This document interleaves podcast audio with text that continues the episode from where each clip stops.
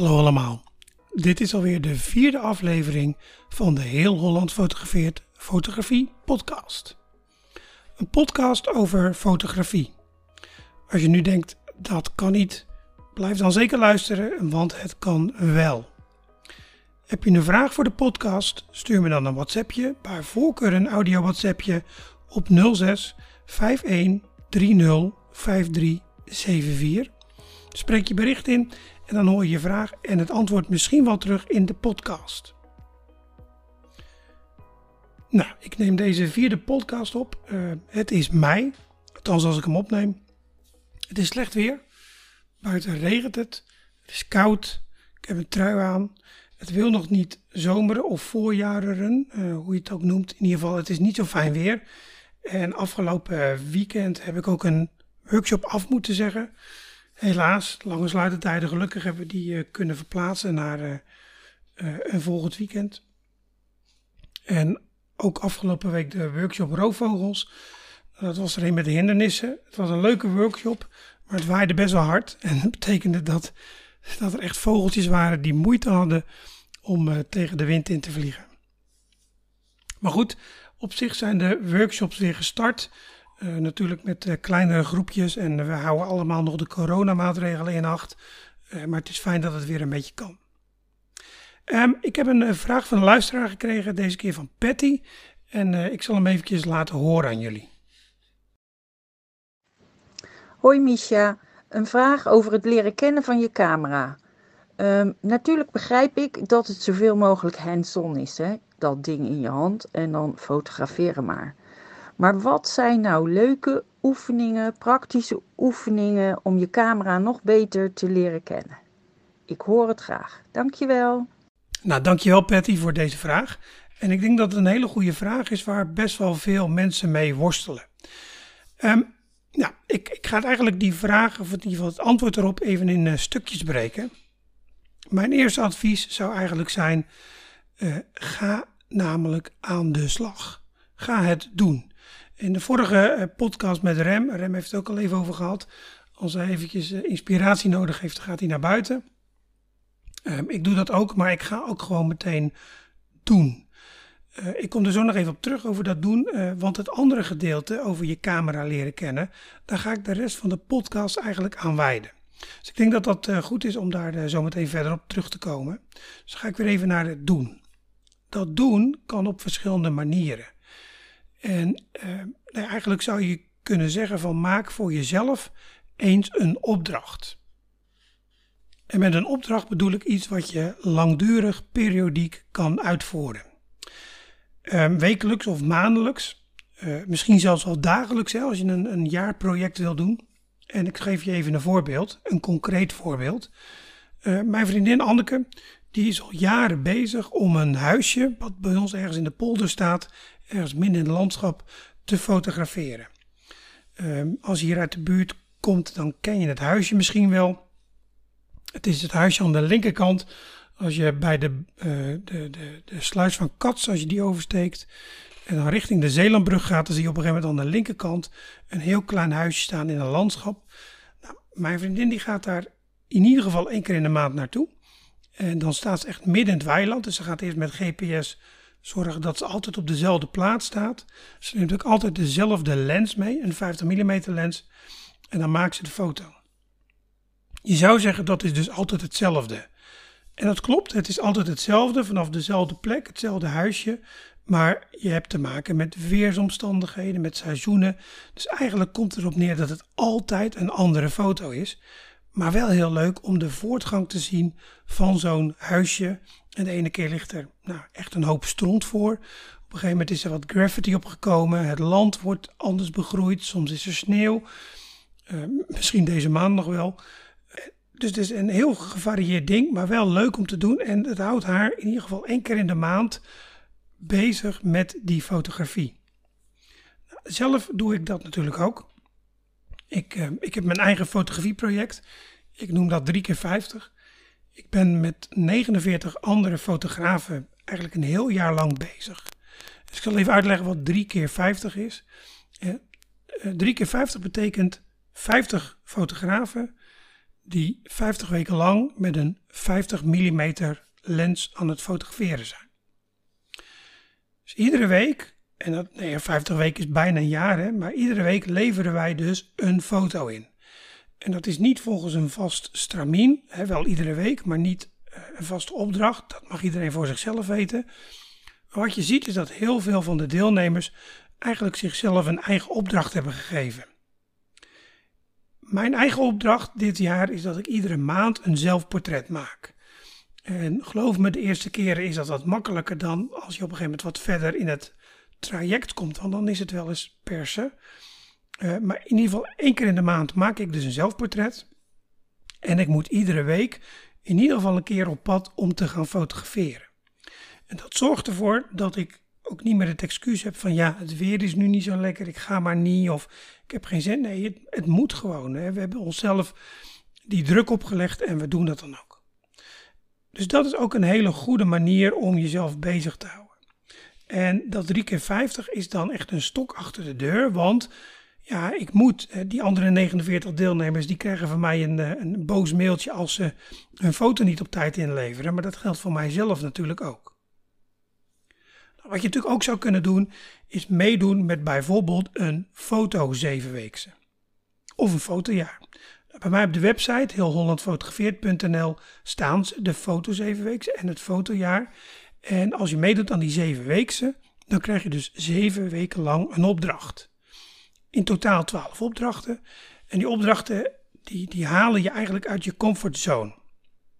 En je eigen bubbeltje waarin je graag zit. En, en ik weet dat heel veel fotografen een bepaalde specialiteit hebben of iets wat ze heel erg leuk vinden om te doen. En het nadeel daarvan is als je altijd hetzelfde doet, dan krijg je eigenlijk ook altijd hetzelfde resultaat. Dat is een beetje, uh, een beetje scherp gesteld, want je wil jezelf natuurlijk ook verbeteren. Maar door die foto 7 opdrachten, die verschillende opdrachten, echt andere dingen dan dat je normaal doet, leer je ook gewoon op een andere manier kijken en anders je camera gebruiken. Kijken naar andere dingen, gewoon, gewoon eens een keer wat anders. En dat maakt je ook weer een betere fotograaf. Ook al ga je vervolgens nooit wat doen met bijvoorbeeld straatfotografie of mensen fotograferen of voor mij het vlindertjes fotograferen omdat je het een keer doet, ga je die kennis die je daarvan krijgt, ga je meenemen in je eigen fotografie. En daardoor ga je eigenlijk je comfortzone die je hebt, die ga je eigenlijk uitbreiden. Iedereen heeft zijn eigen kleine comfortzone. En als je meedoet aan dit soort dingen die buiten je comfortzone liggen, dan breid je eigenlijk je eigen comfortzone, je eigen bubbeltje, breid je eigenlijk uit. Nou, ik hoop dat dit voor Patty een, een aardig uh, begin is als een antwoord van haar vraag. We gaan het natuurlijk nog ook hebben over het leren kennen van je camera, de techniek erachter. En dat gaan we verderop eh, in, de, in deze podcast doen. Wil je nou ook een vraag stellen, die misschien wel in deze podcast behandeld wordt? Stuur dan een eh, WhatsAppje en bij voorkeur een audio WhatsAppje op 06 51 30 5374. Spreek dan even je bericht in en dan hoor je je vraag en het antwoord erop misschien wel terug in deze podcast. Goed, we gaan eventjes naar de camera. Ik wil het namelijk met jullie hebben over de ergonomie van de camera en hoe je kan zorgen dat die ergonomie jou helpt om je fotografie te verbeteren, in ieder geval de bediening van je camera te versimpelen. Nou, misschien weet je het al van een vorige podcast of omdat je me wel eens met me op stap bent geweest. Ik eh, gebruik meerdere camera's. Ik heb een eh, Canon 5D Mark IV op dit moment en een Sony 6500. Dat zijn eigenlijk de camera's die ik het meeste gebruik eh, in mijn dagelijkse fotografie. Ik heb er nog wel wat meer, maar dit zijn eigenlijk mijn twee werkpaarden. Ik heb bijvoorbeeld nog een 6D Mark II. Dat is eigenlijk mijn backup camera. Um, en ik heb wat oude camera's waar ik eigenlijk geen afscheid van kan nemen. Maar die zijn ook wel handig als er een keer wat kapot is of als een cursist is die last minute een camera nodig heeft omdat er iets uh, aan de hand is. Nou, als je nou zo'n camera koopt, of, of dat nu nieuw is of tweedehands, uh, uit de doos staat die camera op wat standaard dingen. En dus het is altijd goed om uh, even de tijd te nemen als je een nieuwe of tweedehands camera aanschaft, om door even door al die menus, al die functies heen te gaan. En het is echt verschrikkelijk uitgebreid tegenwoordig, die menus. Uh, ik had het de vorige keer met, met Rem nog over, zeg maar eigenlijk na de podcast, over de menus en alle functies in die, in die camera's. Ja, wat er gebeurt is, als er een nieuwe camera komt, dan komen er nieuwe functies, nieuwe menu-items komen erbij. Er gaat eigenlijk nooit wat af. Dat is op zich wel logisch, hè? want als er wat uitgehaald wordt, dan weet ik wel weer hoe de community reageert. Want het is natuurlijk altijd zijn een paar mensen die net even dat ene, die ene optie gebruiken. Eh, maar dat betekent dus dat eigenlijk iedere camera wordt wat ingewikkelder. En ik moet ik eerlijk zeggen dat ik niet vind dat camerafabrikanten uitmunten in het simpel maken, logisch maken van die menustructuren. Dus, nou, het is wel eens een keer een geworstel en ja, ik ben echt al lang met fotografie bezig. Ik ben intensief met fotografie bezig. En ook voor mij is het iedere keer bij een nieuwe camera echt weer even wennen hoe dat nou zit. Maar we gaan dus eventjes, als, als die camera nieuw is of tweedehands hebt gekocht, ga je toch eventjes proberen door al die menu-items heen te gaan, te snappen wat ieder menu-item is en in te stellen op jouw wens. Dus bijvoorbeeld, je begint al met instellen van wil ik RAW of een JPG fotograferen. En er zijn ook mensen die fotograferen RAW en JPG. Ik vraag me eigenlijk altijd af waarom. Want ik zie daar, ehm, ja, behalve iemand die als journalist werkt, niet zo heel veel toegevoegde waarde in. Eh, als je in RAW fotografeert, dan heb je gewoon alle data en in JPG, ja. ja. Waarom zou je de JPG gebruiken als je de RAW hebt? Maar goed, Um, de tijd zet je natuurlijk altijd even goed, de tijd en datum. Uh, je gaat naar de kwaliteit, hè, de grootste kwaliteit, het formaat, dat soort dingen. En eventueel zet je ook het kleurprofiel goed.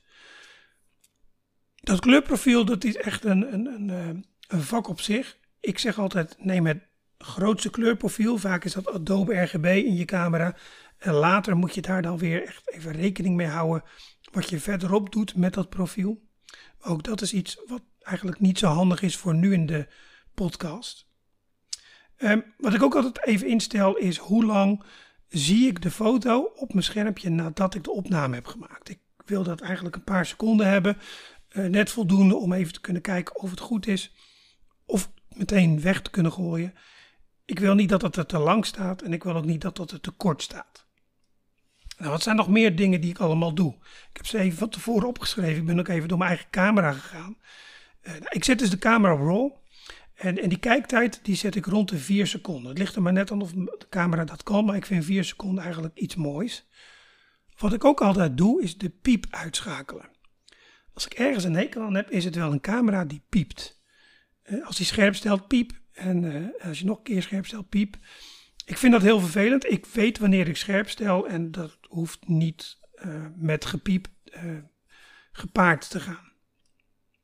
Wat ik ook altijd doe, is dat ik instel dat de camera geen foto's maakt zonder de geheugenkaart. Nu heb ik voor mezelf een trucje aangeleerd dat ik eigenlijk de geheugenkaart niet meer kan vergeten. Want als ik de geheugenkaart uit mijn camera haal, dan laat ik het klepje altijd openstaan. Dat zorgt ervoor dat ik een camera zie met een klepje open. Dan weet ik dat er geen geheugenkaart in zit. Uh, maar schade en schande, zo is het.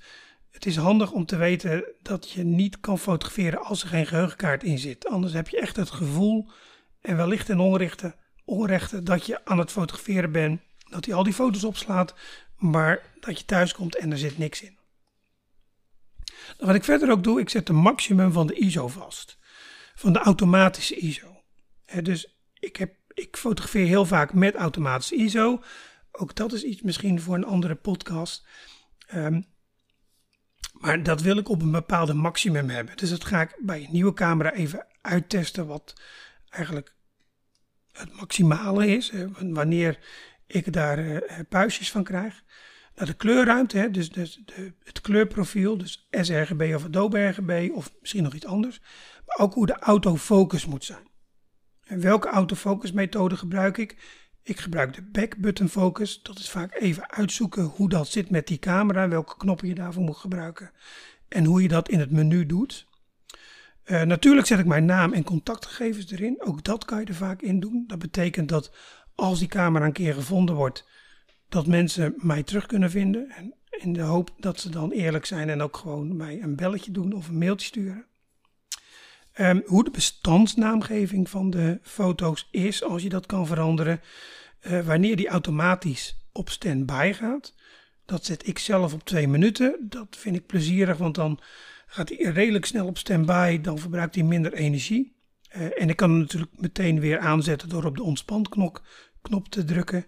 En ik heb hier nog staan de backbutton focus functie, maar dat heb ik net al verteld. En waarschijnlijk nog wel wat zaken. Dat is iets wat je eigenlijk altijd doet als je begint met die camera. Maar dat is eigenlijk een beetje de basis. Dat heeft niet zoveel te maken met het fotograferen. Wat ik heel erg plezierig vind, is dat ik in mijn Canon, in tegenstelling tot mijn Sony, in mijn Canon heb ik in het menu een sterretje staan. En als je een Canon hebt, dan herken je dat misschien wel. Er zit zo'n sterretje en dat is het snelmenu. En als ik een camera van iemand anders beter ben, het is een Canon en ik ga het menu in, dan valt mij eigenlijk bijna altijd op dat bijna niemand gebruik maakt van dat snelmenu. En wees even eerlijk naar jezelf. Kan jij die dingen die je af en toe nodig hebt, heel makkelijk terugvinden in het menu? Ik niet. Ik ben altijd aan het zoeken. Zeker als ik haast heb, wil ik dat zoeken niet hebben. En dan, als ik haast heb, dan kijk ik er ook nog eens overheen. Dus wat ik heb gedaan, ik heb wat zaken in mijn snelmenu gezet. In dat snelmenu kan je dus gewoon dingen die in andere delen van het menu staan, toewijzen. Dus dat ik heel makkelijk op die manier kan bij de beeldkwaliteit, of de ruisreductie lange sluitertijd, of hoe ik heel makkelijk kan naar meerdere opnames, dus de dubbele belichting hoe ik makkelijk de kaart kan formateren, de GPS-instellingen aan en uitzetten. Communicatieinstellingen, dat is hoe je communiceert met een laptop, mijn iPad of met mijn iPhone. Dus als ik mijn iPhone als afstandsbediening wil gebruiken, hoef ik niet het menu in. Nee, ik ga dus naar dat snelmenu, pak de communicatieinstellingen en ik ben eigenlijk meteen daar waar ik moet zijn. Ook vind ik het fijn om even de accu-info te zien. hoeveel foto's kan ik nog maken? En wat ik een hele fijne vind is de belichtingscompensatie. Die zit al onder een snel knop op mijn camera. Maar als ik een belichtingstrapje wil maken, dan moet ik toch even mijn menu in. Als ik bijvoorbeeld iets met HDR wil doen, en dan kan ik daar heel erg makkelijk in. Wat ik verder ook nog heb is het aangepaste opnamemodus C1 tot en met C3. Dat kom ik zo ook nog eventjes op terug. Bij mijn Sony is dat snelmenu er helaas niet. En ik vind dat echt serieus jammer, want ik zoek me soms echt de tering. Um, nou, mijn Sony heeft wel weer wat anders. Uh, daar heb ik namelijk als ik op de FN-knop druk, een snelmenu in beeld. Hè. Dus achter op het schermpje, als ik dan op de FN druk, dan krijg ik een soort van submenuutje over het beeld. En daar staan standaard wat zaken in waar ik zelf niks mee doe. Uh, bijvoorbeeld uh, kleurinstellingen. Er is zo'n kleurinstellingen ding dat je bijvoorbeeld je foto op zwart-wit of op vibrant kan zetten. Dat, dat, gebruik ik niet, want ik fotografeer in RAW zoals ik al zei. Dus daar heb ik andere dingen in neergezet en ook een andere volgorde, volgorde voor gebruikt. Dus ik, ik kan door dat op dat FN-menu kan ik heel snel mijn stabilisatie aan en uitzetten. En die heb ik normaal aan, maar als mijn camera op statief staat, dan moet die stabilisatie uit. Ja, dat kan ik dus nu veel makkelijker vinden dan dat ik dat menu in moet. En dus ik heb eigenlijk die FN-knop. Uh, dus als ik daarop druk, dat menuutje wat ik krijg, dat heb ik gecustomized. Nou, daarnaast hebben, of in ieder geval volgens mij alle, maar ik denk in ieder geval bijna alle camera's, ook nog knopjes die je apart kan programmeren. En bij mijn Sony 6500 heet dat de C1, C2 en C3 knop. Uh, en ik pak hem er even bij. Hier heb ik hem. Die C1, C2 en C3 knop, ja, die mag je helemaal zelf programmeren. Standaard heeft de fabrikant daar natuurlijk al een optie voor gekozen. Uh, maar ik heb ervoor gekozen om daar andere dingen voor te doen. Uh, de C1 heb ik gezet op belichtingscompensaties. Als ik daarop uh, klik, dan kan ik heel makkelijk een foto lichter of donkerder maken. De C2 is mijn witbalans. Die kan ik ook via de FN-knop vinden. Maar dan moet ik de FN-knop en dan alweer wat doen. Terwijl als ik hem op de C2-knop druk, dan heb ik meteen mijn witbalans. En de C3 is bij mij het scherpstelgebied. Uh, nou, bij mijn Canon is dat ook. Uh, aangepast snel instellingen. Er, zijn wat knopjes die je eigenlijk een andere functie toe kan wijzen dan dat er normaal is. En dan is het altijd heel goed om na te denken van, oké, wat voor functie heeft die knop nu? En vind ik dat logisch? Of is dat een functie die ik zelf nooit gebruik en heb ik veel liever een andere knop onder de, noem het maar eventjes, speed dial?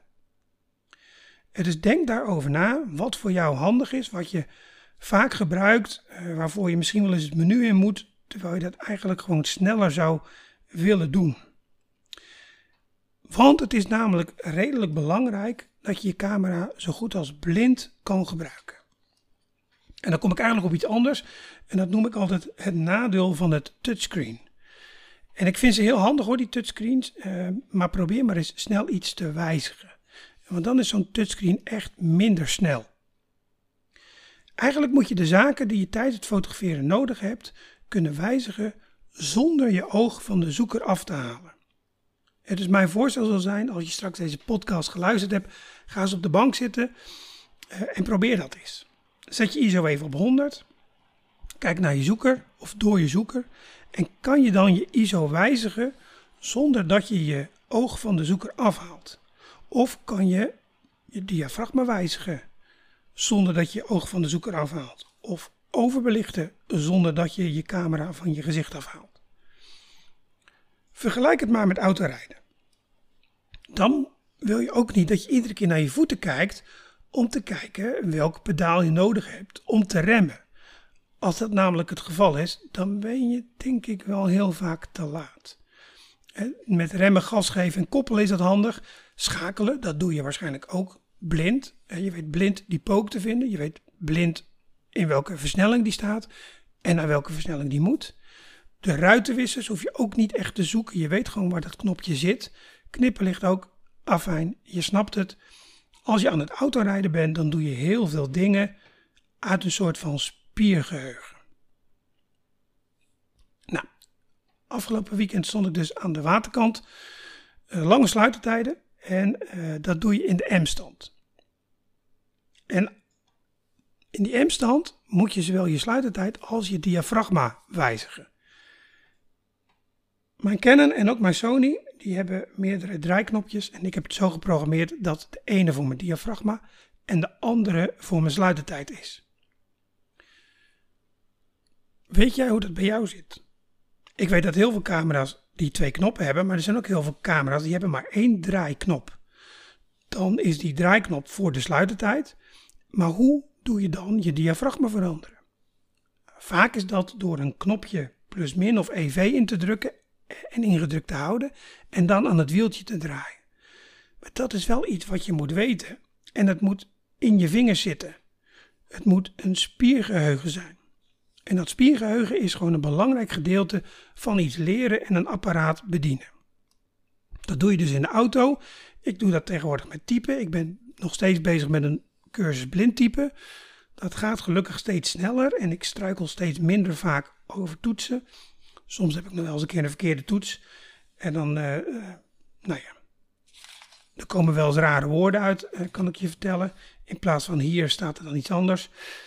ik ga je er niet mee vermoeien. Maar dat spiergeheugen, waar zit wat, is dus een heel belangrijk element. En je hoeft dus echt niet alles te weten, dat weet ik ook niet. Maar die zaken die voor jou van belang zijn, en voor iedere fotograaf is dat anders, die wil je eigenlijk gewoon heel makkelijk, heel snel erbij halen. En als je dan een keer wat bijzonders hebt, ja, dan is het niet zo'n probleem om in dat menu te moeten. Ik ga dan een menu in en dan heb ik bij voorkeur nog iets onder het snelmenu. Maar goed, ook daarvan kan je natuurlijk nadenken wat je zelf wil. Ik zou nog even terugkomen op die aangepaste opnamemodus.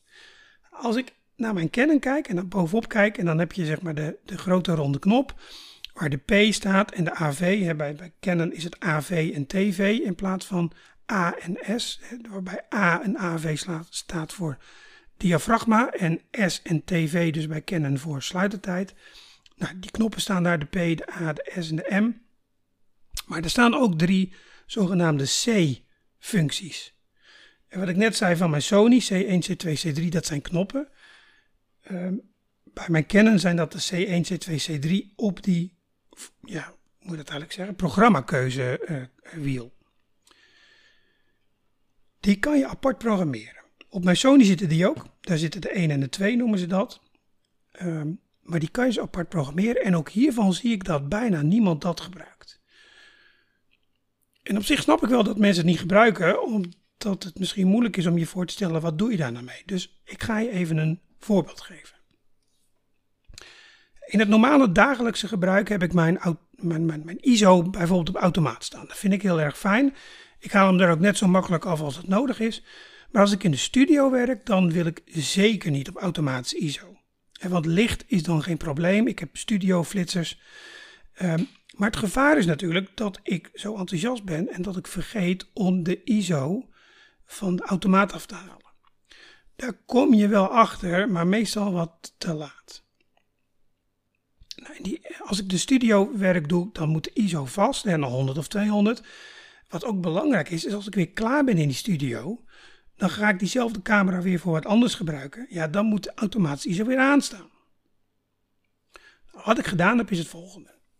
In mijn Canon staat geprogrammeerd dat C3, het programma C3, is als volgt. Sluitertijd een 125ste, diafragma 5.6, ISO op 100 en de witbalans staat op flitsen. Die witbalans op flitsen zorgt er in de studio voor dat het neutrale licht van de flitser ook echt neutraal is. Dus dat de camera niet ineens denkt, hm, ik zie een beetje schaduw, dus ik ga de foto maar heel erg warm maken. Het is niet handig. Dus die witbalans staat op uh, flitsen. Ik kan dan heel makkelijk mijn camera op C3 zetten. Dan heb ik dus die sluitertijd 125, dus diafragma 5.6, ISO 100 en, die witbalans op flitsen. En ik kan daar binnen veranderen. Dus ik kan op dat moment gewoon naar een sluitertijd van een 160ste of een diafragma van 8 of een diafragma van 1,4. Ik kan als ik wil ook de witbalans natuurlijk wijzigen. Um, maar dat is mijn uitgangspositie. Zodra ik hem op C3 zet, heb ik die instellingen. Ben ik klaar in de studio? Haal ik hem weer van die C3 af, zet ik hem op de P of op diafragma of sluit het uit of op M. Maar dan heb ik dus weer een automatische witbalans en een automatische ISO. Ga ik weer naar die C3, gaat de ISO weer naar 100, uh, witbalans weer naar flitsen, sluit het uit naar de 125ste, diafragma naar 5,6. Op deze manier maak ik mijn werkwijze sneller. Ik hoef minder na te denken over dit soort instellingen. Ik moet er één keer over nadenken en het dan goed doen. En daarmee maak ik de kans op fouten ook echt een heel stuk kleiner. Wat dus handig is, is om voor jezelf eens een studie te maken van jouw camera. Pak je boekje er eens bij en kijk eens wat de mogelijkheden zijn. Pak een regenachtige dag als je tijd hebt en ga er gewoon eens even induiken. En wat zijn nu de mogelijkheden waarin jij jouw camera kan automatiseren? Of in ieder geval makkelijker maken voor jezelf. Denk ook eens naar welke knoppen, welke functies gebruik je veel en kan je die blind vinden, hè? dat spiergeheugen. Denk maar even terug aan die auto, hoe je remt, gas geeft, schakelt, dat soort dingen. Als je dat doet, dan ga je je camera veel beter leren kennen en dan ben je veel meer bezig met hetgene wat buiten je camera gebeurt, dan dat je bezig bent met die dingen die in de camera moeten gebeuren of die je dan misschien wel vergeet, waar je later dan weer van hebt van hmm, jammer de bammer. Nou, volgens mij heb ik uh, de vraag van Patty behoorlijk uitgebreid uh, beantwoord. Ook een beetje met mijn eigen input erin hoe je dingen aan kan pakken. Dus ik zou eigenlijk zeggen, het rolletje is weer vol. Ik ga jou, de luisteraar, weer bedanken voor het luisteren. En zoals iedere keer abonneer je op deze podcast via je favoriete podcast-app. En dan zie je iedere keer als er weer een nieuwe podcast is. Uh, je kan ook de podcast luisteren via de website van Heel Holland Fotografeert. Of zelfs via mijn YouTube-kanaal. En je vindt Heel Holland Fotografeert natuurlijk op Facebook, Instagram en op de website www.heelhollandfotografeert.nl.